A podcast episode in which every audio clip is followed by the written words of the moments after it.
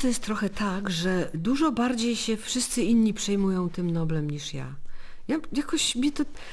Taka jestem zimnokrwista i wiem, że należy się zachowywać i tak się zachowuję sama spontanicznie, że zarówno z tych najgorszych przypadłości i nieszczęść należy szukać jakichś, jakichś dobrych stron i należy zachować zimną krew. Tak samo w tych największych y, radościach i nagrodach i, i, i prezentach od życia no, też zależy, należy zachować zimną krew.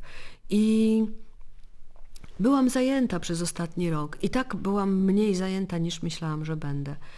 Yy, ponieważ pandemia odwołała bardzo wiele wyjazdów, promocji i tak dalej. A tak po ludzku miała Pani taki moment, e, żeby znaleźć e, chwilę czasu, może kilka dni, a tygodni, żeby poczuć frajdę z tego wszystkiego, co się wydarzyło? Bo dla wielu osób to jest w ogóle nie do wyobrażenia takie emocje, z którymi Pani się musiała zmierzyć.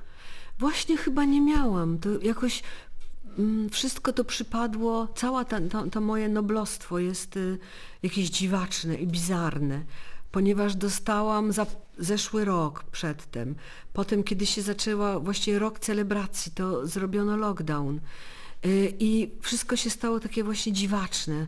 I do tej pory jeszcze z tej dziwaczności nie wyszłam. I myślę, że dopiero ja, ja, ja dopiero poczuję to wszystko, co powinnam poczuć, może w przyszłym roku, może wiosną, może jak wszystko wróci do normy, albo nie dane mi będzie w ogóle, będę tą dziwaczną noblistką. Tą... Czyli może to ciśnienie musi dopiero zejść e, z Pani paradoksalnie, mimo takiego już e, długiego upływu czasu.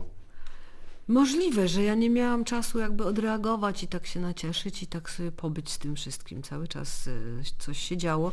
No i bardzo dużo mm, lęku przez ten ostatni rok mamy. Przed wywiadem rozmawialiśmy o, o, o chorobie, o objawach i tak dalej. Zaraz stąd jadę na testy.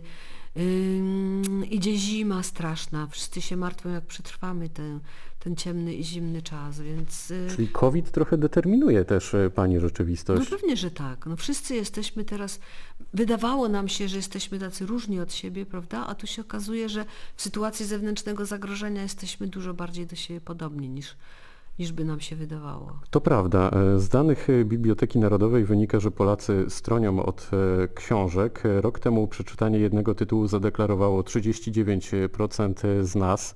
Czy te dane mają szansę się zmienić w Pani ocenie? Czy czym Polaków by Pani zachęciła do tego, żeby sięgnęli po jakikolwiek tytuł?